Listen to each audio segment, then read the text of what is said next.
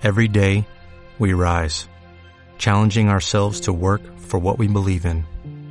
At U.S. Border Patrol, protecting our borders is more than a job, it's a calling. Agents answer the call, working together to keep our country and communities safe. If you're ready for a new mission, join U.S. Border Patrol and go beyond. Learn more at cbp.gov/careers. Parlem de literatura? Un podcast de l'Associació d'Escriptors en Llengua Catalana per reflexionar sobre viure, escriure, llegir, traduir, emocionar-se...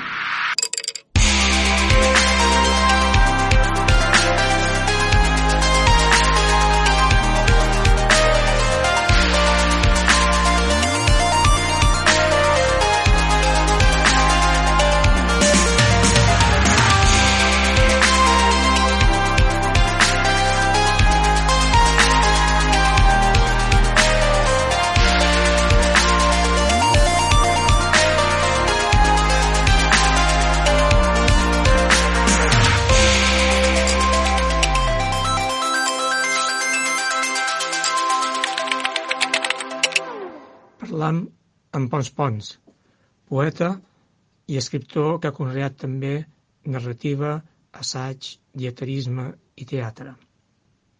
Sabem que tens un nou llibre que havies de presentar per Sant Jordi. Parla'ns un poc d'aquesta obra.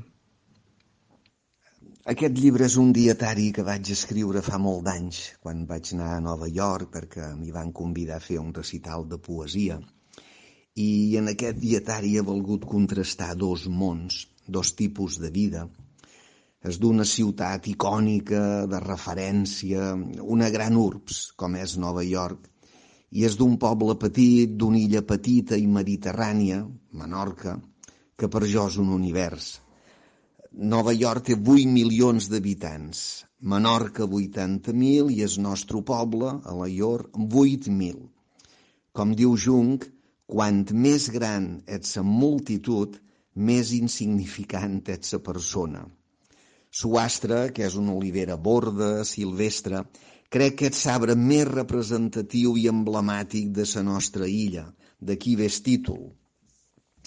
En aquest llibre he volgut reflexionar sobre la illenquitat, la condició d'illenc, la illumania que té fascinat pel món de les illes, i així com ser feris en ratlla de la gracitat, jo he volgut reivindicar la menorquinitat com una forma, un estil, una filosofia de vida basada en l'amor per la pròpia terra, la plena identificació amb ella, la tranquil·litat, la calma, es tenir temps per gaudir de sa família, relacionar-te amb els amics, fer ses coses bé, de forma pausada, sempre en contacte amb sa naturalesa.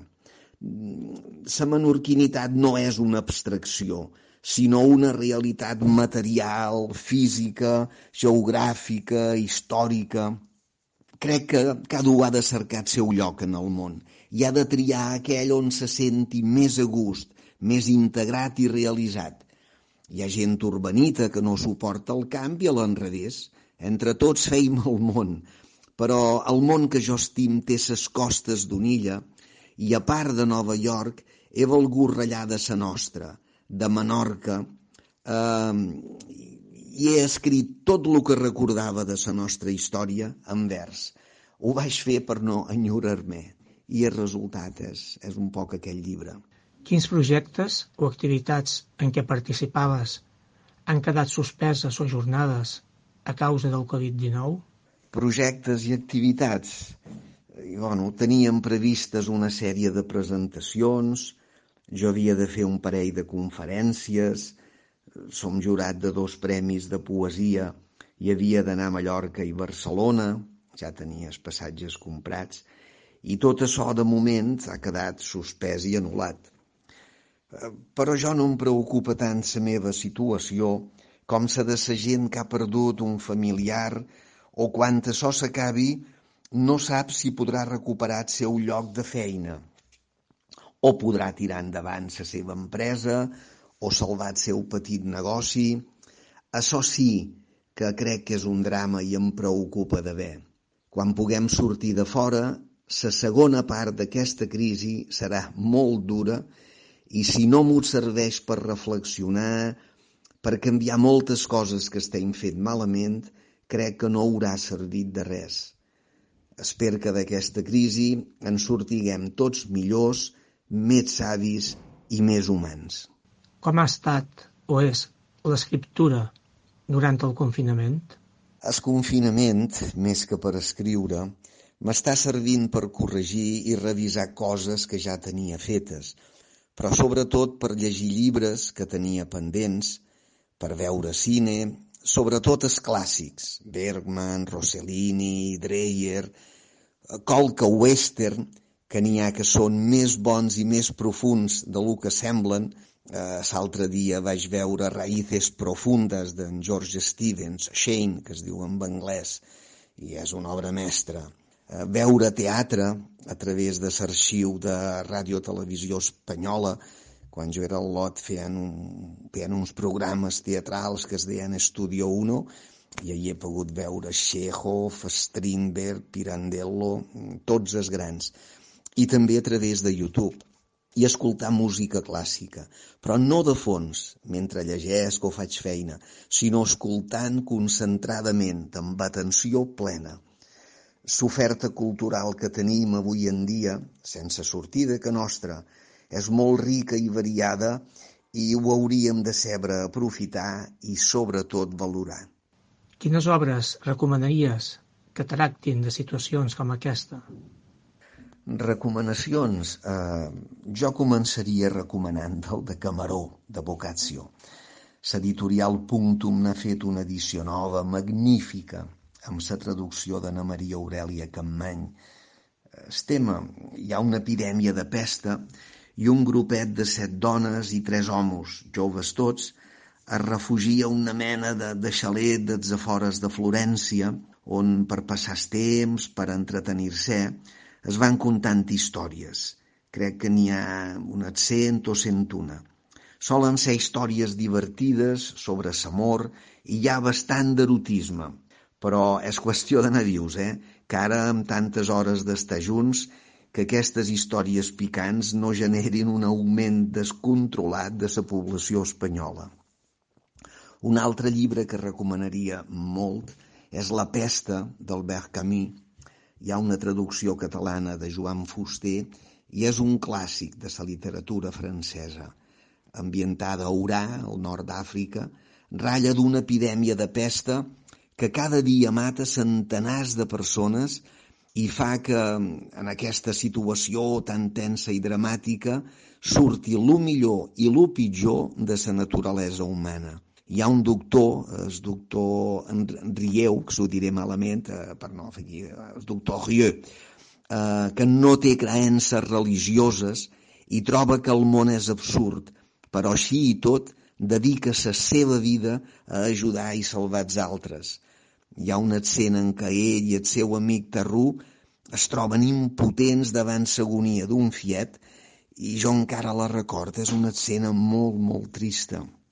La pesta és una novel·la que fa pensar i reflexionar sobre el sentit de la nostra existència i sobretot la importància de l'amor i la solidaritat.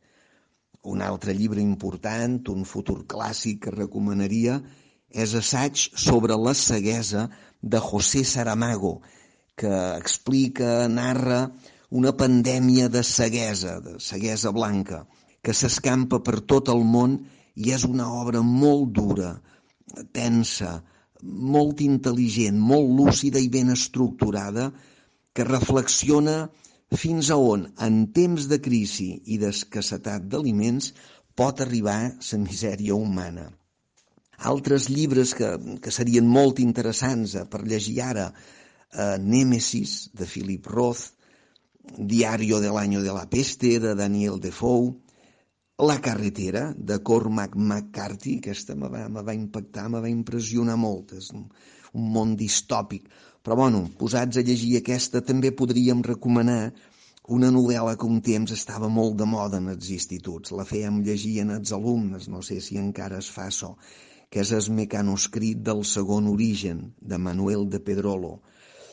a part de clàssics com el 1984 d'Orwell, i si a la gent li agrada el cine, a YouTube, me sembla, hi era, eh, me sembla que poden veure Fahrenheit 451, que és una novel·la de Ray Bradbury, però en cine, i la pel·lícula està filmada pel gran François Truffaut. En fi, llibres n'hi ha moltíssims. Lo important és, és llegir-los i, i sobretot disfrutar-los. Quines conseqüències creus que pot tenir la pandèmia sobre els escriptors, la literatura i la cultura en general? Quines conseqüències pot tenir i com pot afectar?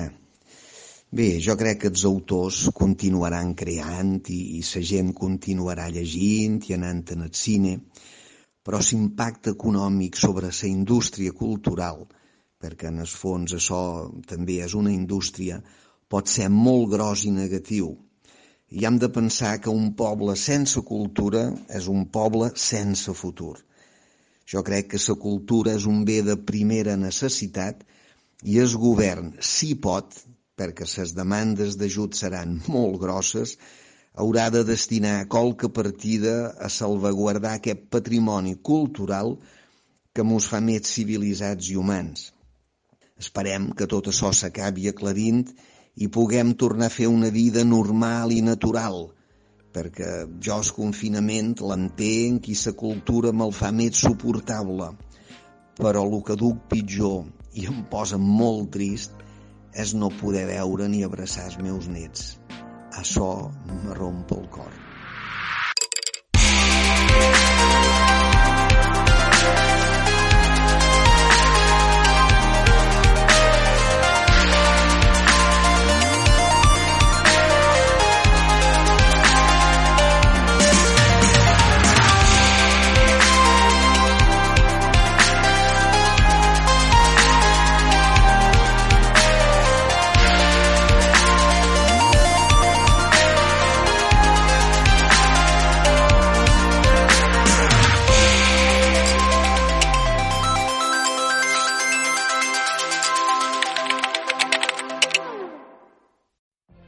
What if you could have a career where the opportunities are as vast as our nation, where it's not about mission statements, but a shared mission?